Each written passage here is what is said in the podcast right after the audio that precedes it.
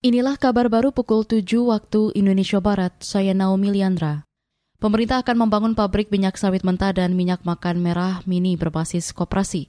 Menteri Koperasi dan Usaha Kecil Menengah Menkop UKM Teten Masduki mengatakan upaya tersebut dilakukan untuk menyerap tandan buah segar atau TBS dari petani sawit sehingga harganya tidak anjlok. Dengan Pak Presiden tadi sudah menyetujui untuk pembangunan minyak uh, makan merah berbasis koperasi uh, ini saya kira akan menjadi solusi karena 35 persen produksi sawit atau CPO ini berasal dari petani mandiri, ya petani swadaya. Kalau dilihat dari luas lahannya 4,41 persen lebih. Jadi ini cukup. Saya kira ini juga solusi bagi distribusi minyak makan untuk suplai minyak makan ke masyarakat. Karena ini makan minyak makan merah ini sudah diketahui sehat, kandungan proteinnya tinggi, eh, kandungan vitamin A-nya tinggi. Menkop UKM Teten Masduki menambahkan, teknologi produksi minyak makan merah sudah dirancang oleh Pusat Penelitian Kelapa Sawit PPKS di Kota Medan. Kata dia, satu pabrik CPO dan RPO mini membutuhkan investasi sebesar 23 miliar rupiah. Investasi itu untuk produksi sebanyak 10 ton minyak makan merah per hari.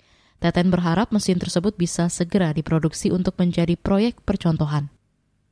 Kita beralih ke berita selanjutnya. Google memastikan bakal mengikuti regulasi pendaftaran penyelenggara sistem elektronik PSE. Pendaftaran PSE merupakan tindak lanjut dari peraturan pemerintah dan peraturan Menteri Komunikasi dan Informatika tentang penyelenggara sistem elektronik lingkup privat yang terbit dua tahun lalu.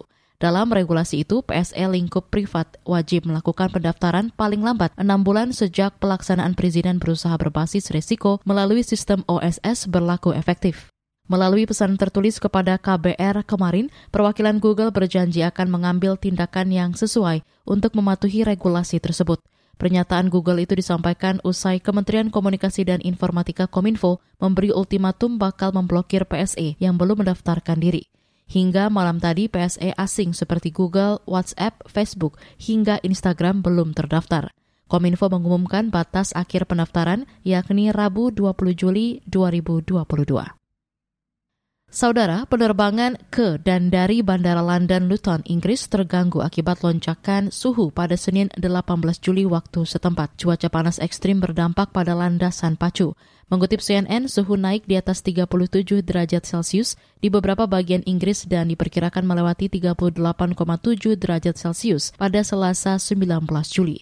Situasi serupa juga melanda sebagian besar Eropa. Pihak bandara dalam unggahan di Twitter menjelaskan penerbangan ditangguhkan untuk perbaikan landasan pacu. Sekitar 14 penerbangan yang awalnya akan mendarat di Luton dialihkan ke bandara lain termasuk Gatwick dan Stansted pada Senin sore. Berdasarkan data Flight Radar 24, papan keberangkatan bandara menunjukkan penerbangan menuju beberapa negara seperti Yunani dan Spanyol ditunda. Kedatangan dari beberapa bandara Eropa mundur lebih dari 4 jam jadwal awal. Saudara, demikian kabar baru KBR. Saya Naomi Liandra undur diri.